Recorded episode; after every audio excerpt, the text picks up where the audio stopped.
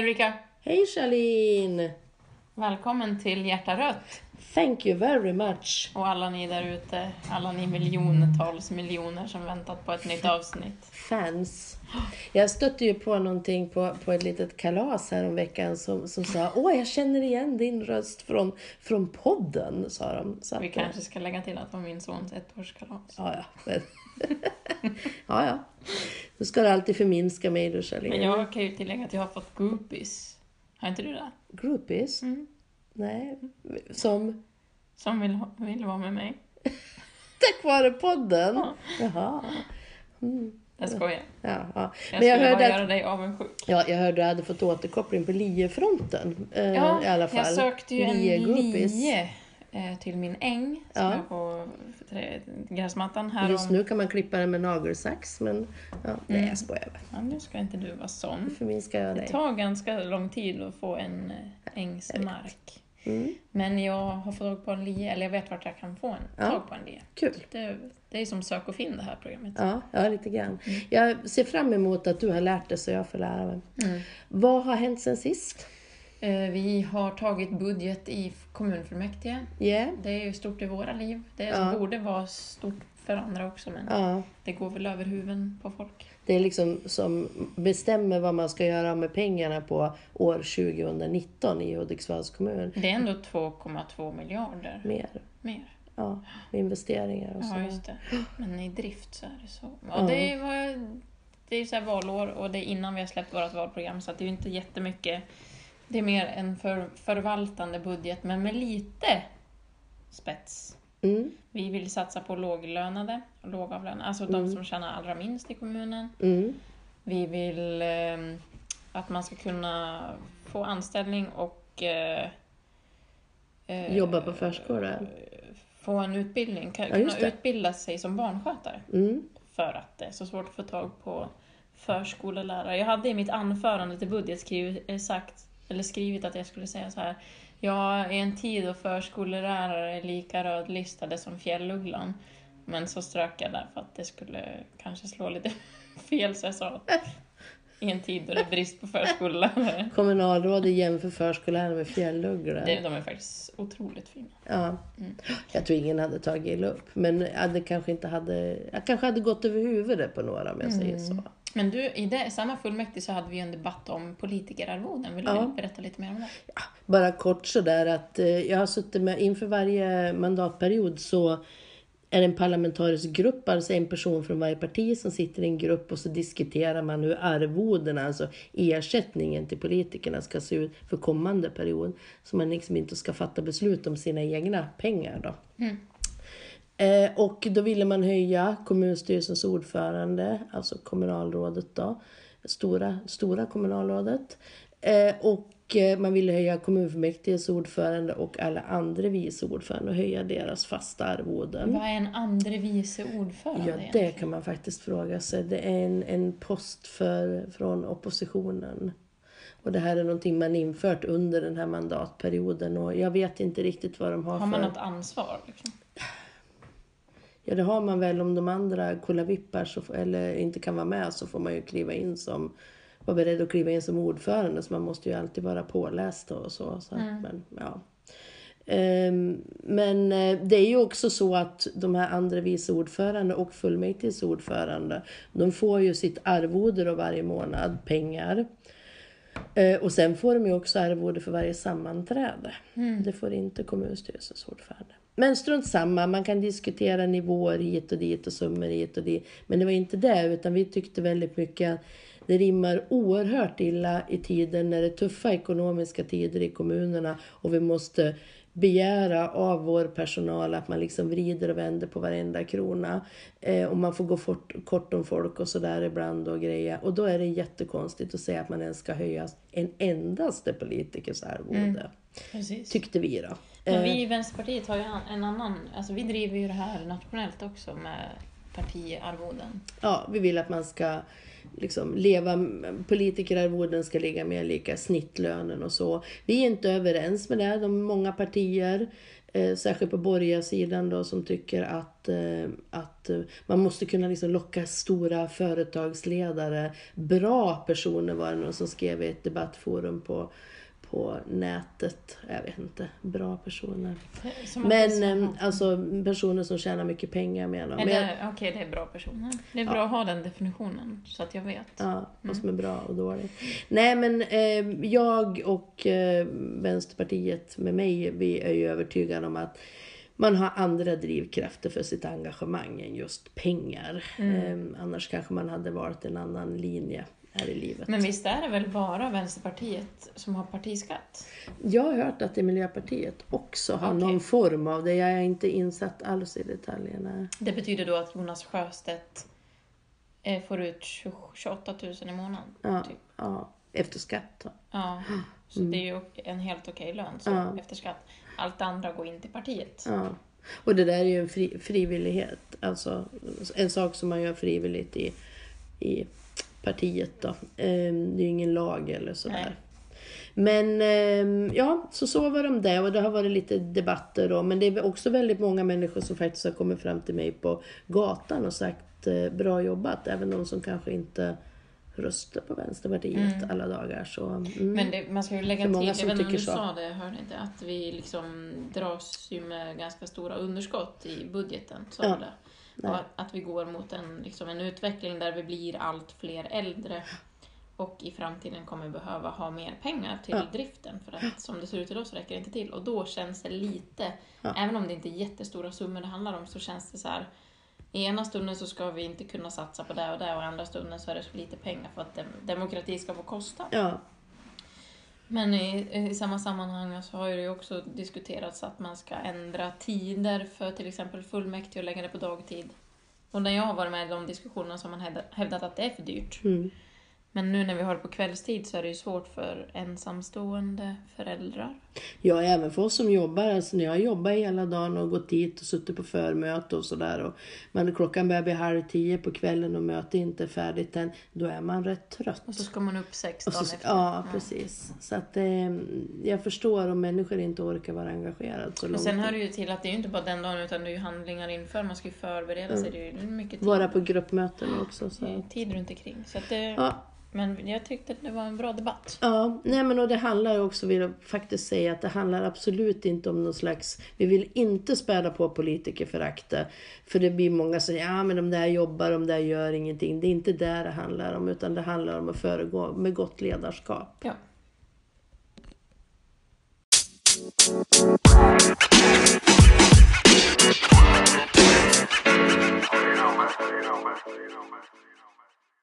Ja, eh, det är ju många som har väntat på kommande ämne. Ivrigt. Ivrigt. Vi har...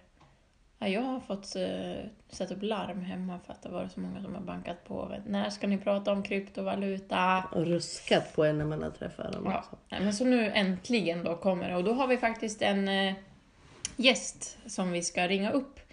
Det är en expert i ämnet. Hallå?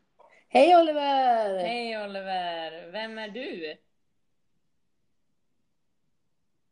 Jag heter Oliver Kiffer. Jag är Charlene Kiffers lilla, lillebror. Mm. Eh, skulle inte vilja kalla mig expert angående bitcoins men jag har, och kryptovaluta, men jag har ett visst intresse för det. Men vi kan kalla dig expert.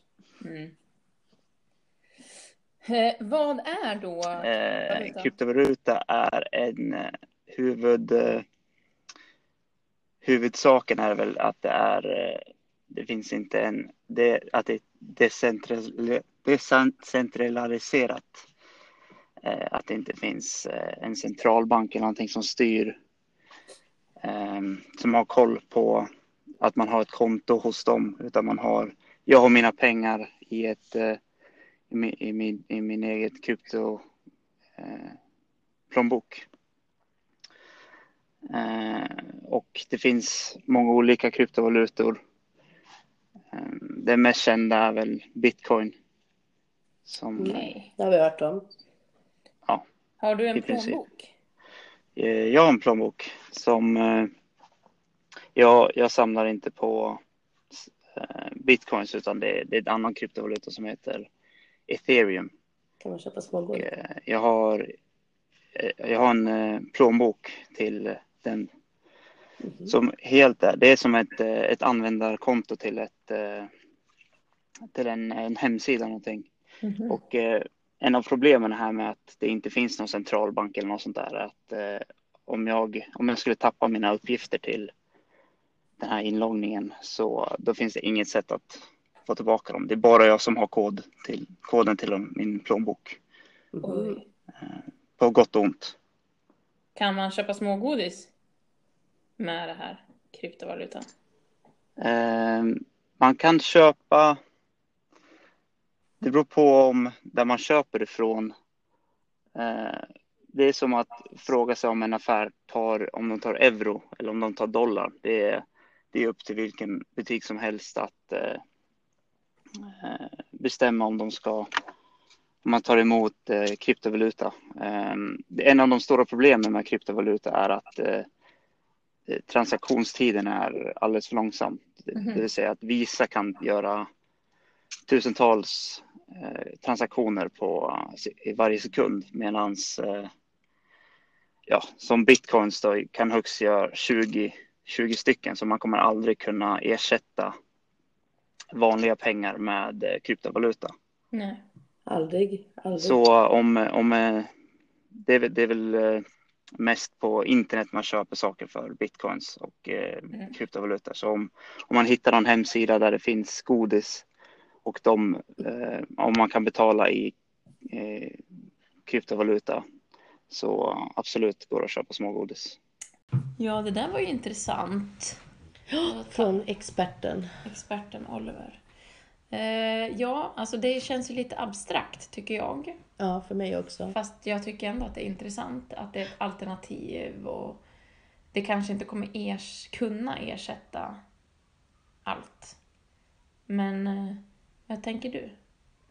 Jag tänker det är ju en lockande tanke och särskilt i tider liksom när man stänger igen internets frihet. Internet var ju liksom en frihetstanke eh, i början men det finns ju inte längre. Men jag tänker också att där det finns frihet så finns det också alla man missbrukar ju friheten. Men jag, tänker, jag tror att det finns en stor andel kriminella. Om man går in på, på Nordiska motståndsrörelsens webbsida till exempel så kan man skänka pengar och det kan man göra i bitcoin. Där då, och det är ju inte spårbart då. Eh, men det största problemet tycker jag egentligen med om, om det skulle bli en jättestor, liksom ersätta bankerna. Det är ju det, hur ska vi beskatta om vi inte har någon typ av statlig kontroll över pengarna? Ja, precis. Det finns säkert någon tanke med det. Men hur ska, liksom all, hur ska välfärden finansieras? Det har ju funnits en tanke tidigare om att man skulle ha någon typ av transaktionsskatt för att eh, Eh, man menade att staterna, eh, nationerna, alltså gick miste om så mycket pengar som ligger liksom i det globala globala penganätet så, och bara liksom flödar över där utan att ens gå igenom liksom de nationella bankerna. Men det kallas för Tobinskatten och det, var, och det var ju tydligen fullt genomförbart men, men eh, alla var inte med på det så det gick inte att genomföra. Då. Men i så fall är det ju något liknande man måste göra tänker jag. För annars, annars har vi ju ett helt sånt här, vad heter det? Ett sånt här samhälle när, ja, som en nattväktarstat där vi inte har någonting gemensamt utan allt är... Som i Game of Thrones. Ja, En sån där mur ja, med nattväkt. men natt, ja, ja, du tänker så. Ja, ja men nattväktarstat det är liksom ett national eh, ekonomiskt eh, samhällsvetenskapligt uttryck. Eh, Det handlar alltså om en stat där man egentligen inte har några andra funktioner än militär och polis, alltså som upprätthåller ordning. Det är inte anarki, men snudd på. Det är inte liksom. så att alla män ska leva celibat och stå på en mur. Nej, det är Nej. Inte, inte som Game of Thrones på det sättet. Nej, men okej. nej, det är inte liksom... Eh, Annars hade det varit en lockande tanke. Ja. jag tycker det verkar så kallt där uppe. Jag skulle Ja. inte vilja vara där. men du är ju inte man heller så. Nej. Nej. Så kan det vara. Nej, men så jag, jag tycker det här med kryptovaluta, ja intressant. Det, bankerna behöver ju definitivt utmaningar.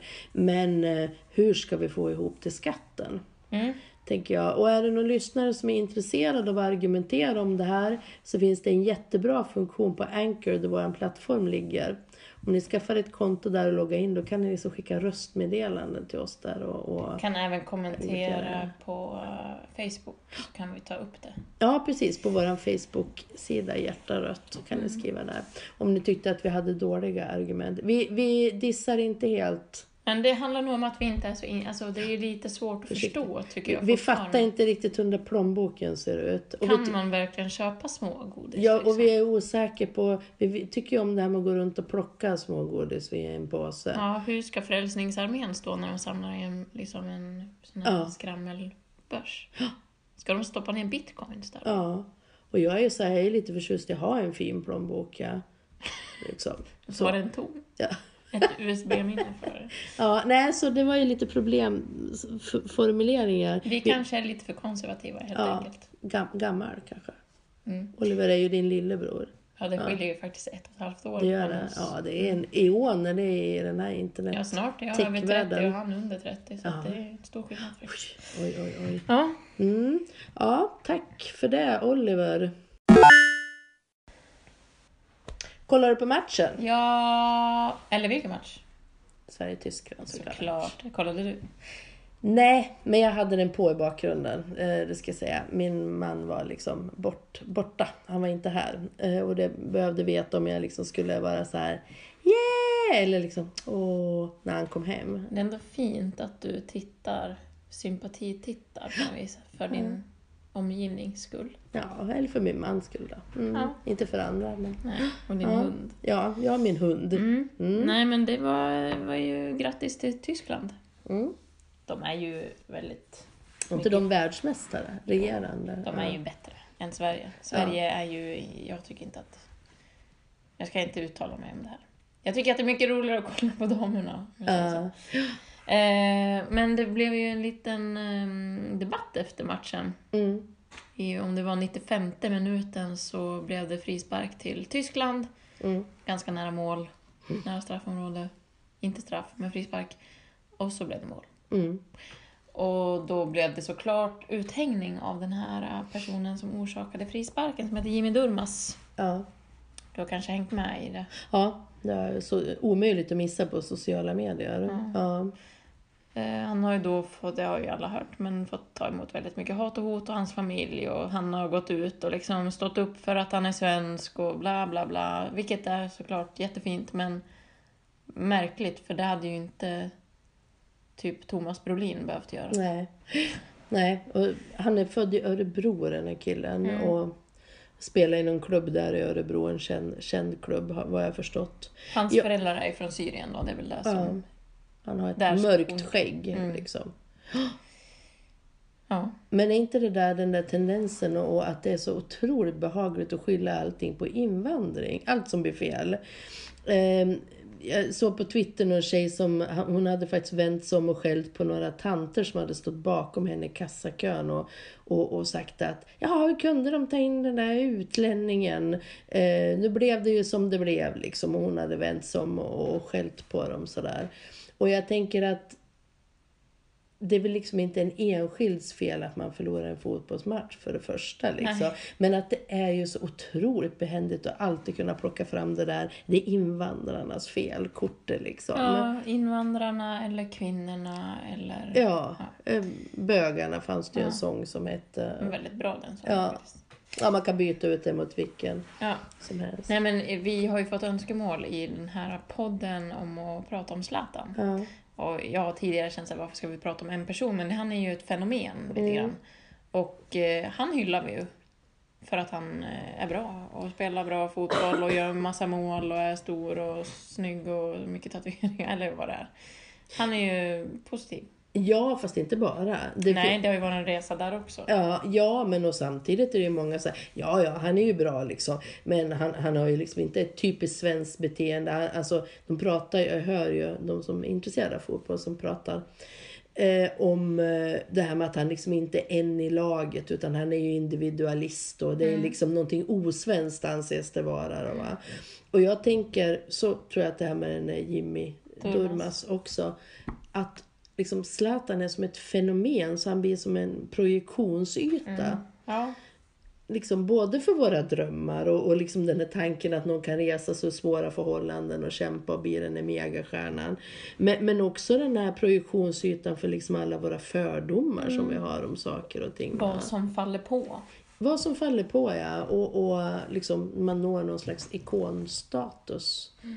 Eh, Och det blir ju väldigt positivt när han spelar bra. Mm, Alltså då är det ju inga problem överhuvudtaget. Men det har ju varit en resa. Från början var det ju väldigt... mm, Han var ju kaxig och han var från förorten. Liksom. ja.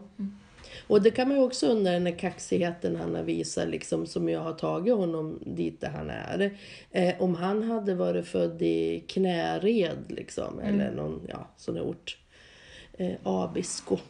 Eh, så hade man kanske uppfattat den kaxigheten som någonting liksom coolt. Nu har man mest upp, liksom, uppfattat det som provocerande. Störigt ja. Ja.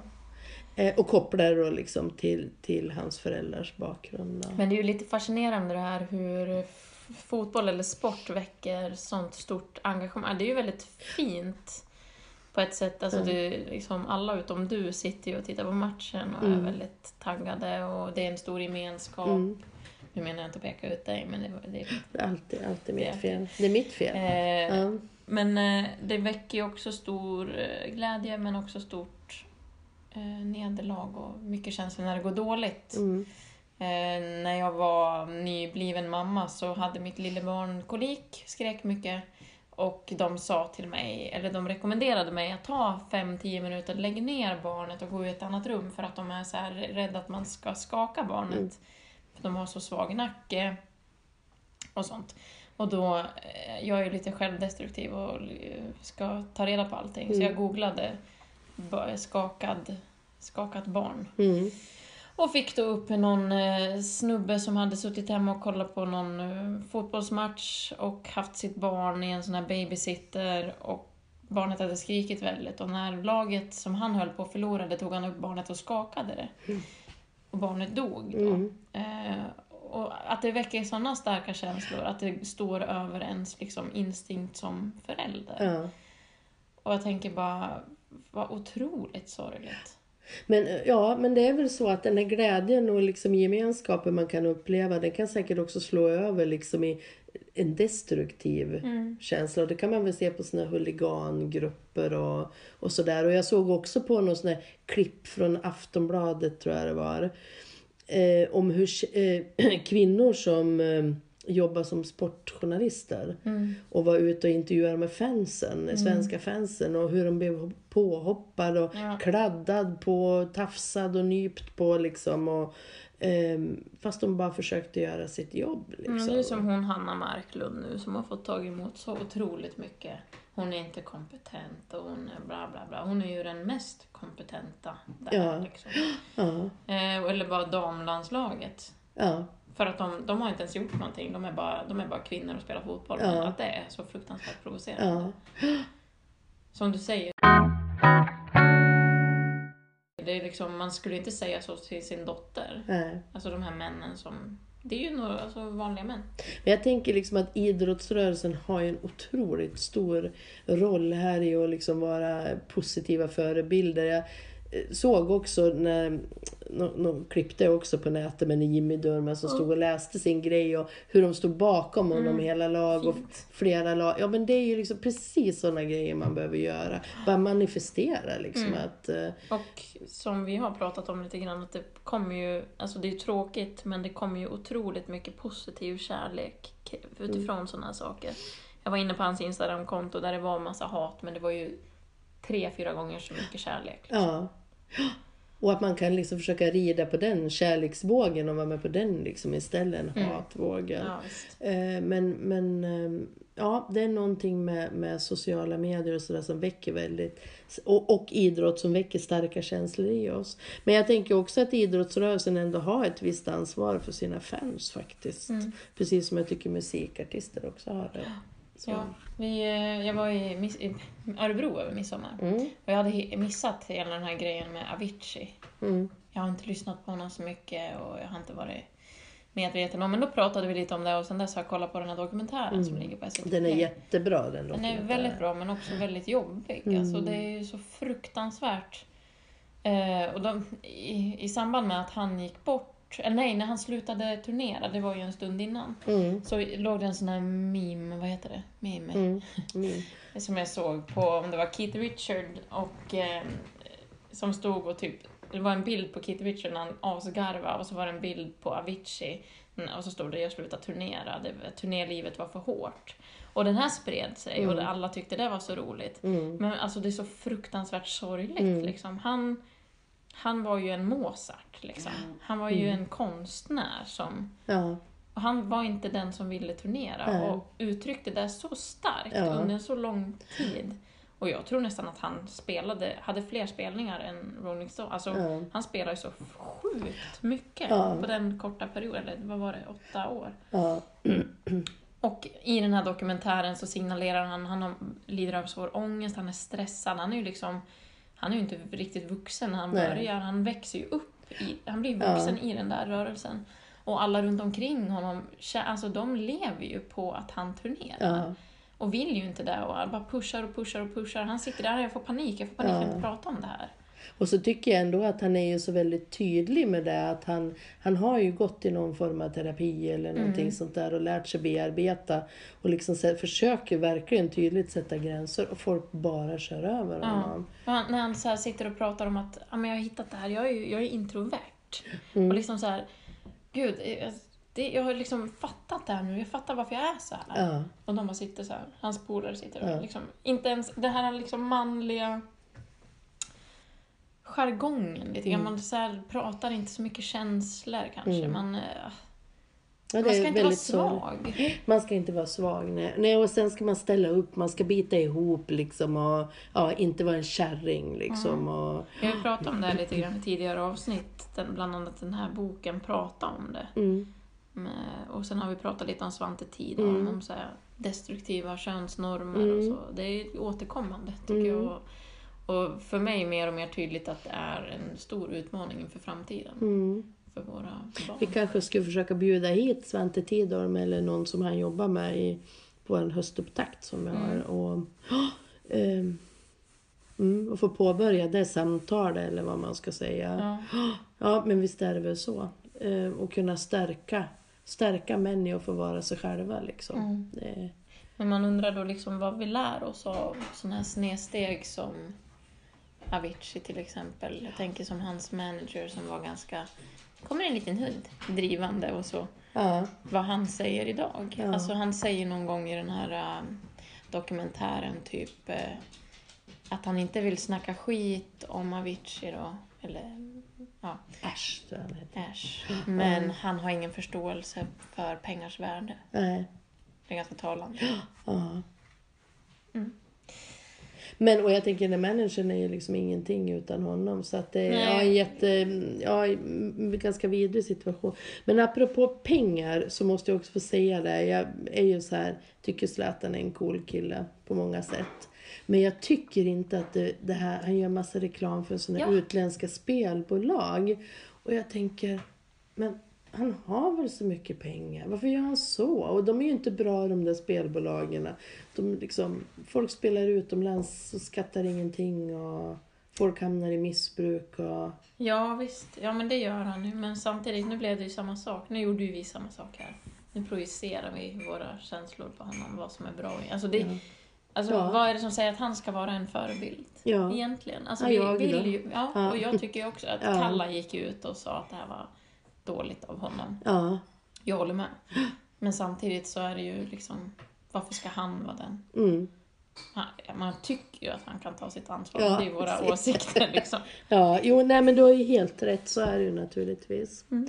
Ja, men det var inslaget om Zlatan som blev jätte, jättelångt och så blev det lite aktuellt om Jimmy Durmaz och sådär och, och så. Nu är det dags för Kulturkvarten. Alldeles strax.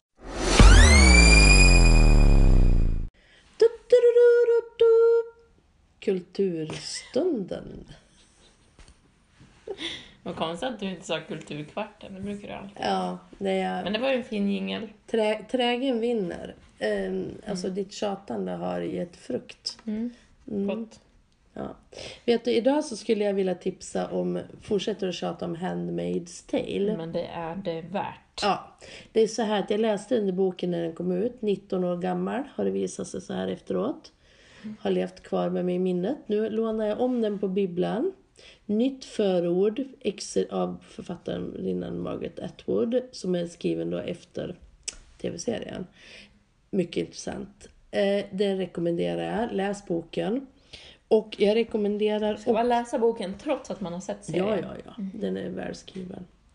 Ehm, och skiljer sig lite grann ifrån. Men man får liksom mer information om i boken. Har den liksom gett dig en annan bild? Hade du föreställt dig det annorlunda än vad serien liksom Det var så otroligt. Hade de röda grejer på sig? Lite? Ja.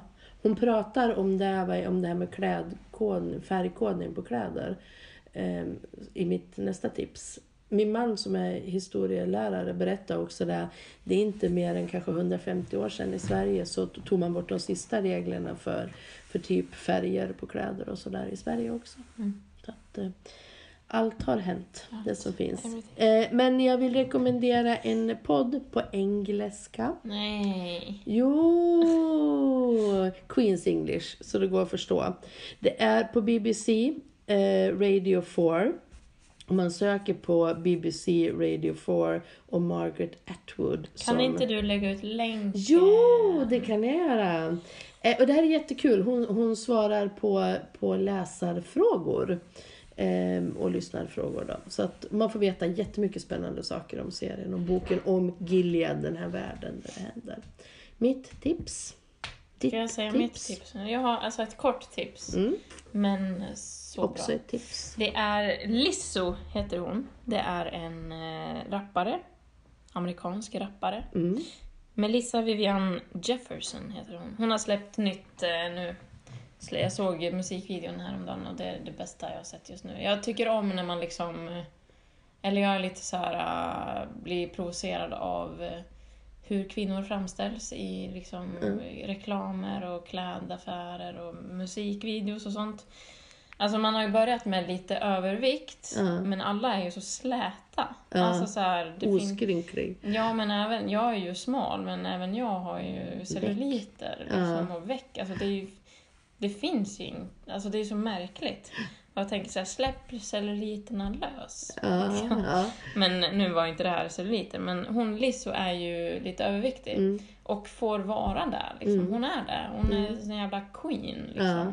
Och hennes nya låt heter då Boys. Ja. Och, och man måste titta på musikvideon. Ja. Den kan vi också länka till. ja. Fix, fixa det ja, Fixa där du. Bra. när jag lägger upp podden. Det var mitt tips det. Ja. Men då vill vi liksom tacka för oss. Önska... Men hallå, du sa att du hade ett till tips. Nej, men det var det här Det poddtipset. var, okej, det var Gud, så krävande du är. Ja. Nej, nu har jag inget mer. Nej. Eh, Jag tyckte, jag kan säga så här, jag tycker sommarpratarna verkar jättetråkiga. Eh, lyssna på BBC Radio 4 istället. Ja, det Eh, var faktiskt, de som har varit verkar ganska tråkiga. ja, Bianca. Varför får inte vi prata? Ja, varför får inte vi prata? Nästa år kanske. Ja, det kan bli, ja precis. Ja, men chillaxa lite grann och så återkommer vi någon gång där i, början av augusti kanske. Och då liksom kickar valrörelsen igång för oss och då kommer vi vara så här busy busy. Men vi kanske spelar in lite grann där vi är Mm, och det så. vi. Lite olika äventyr. Så ta det lugnt nu, chillaxa på stranden och eh, Adios! adios, trevlig sommar!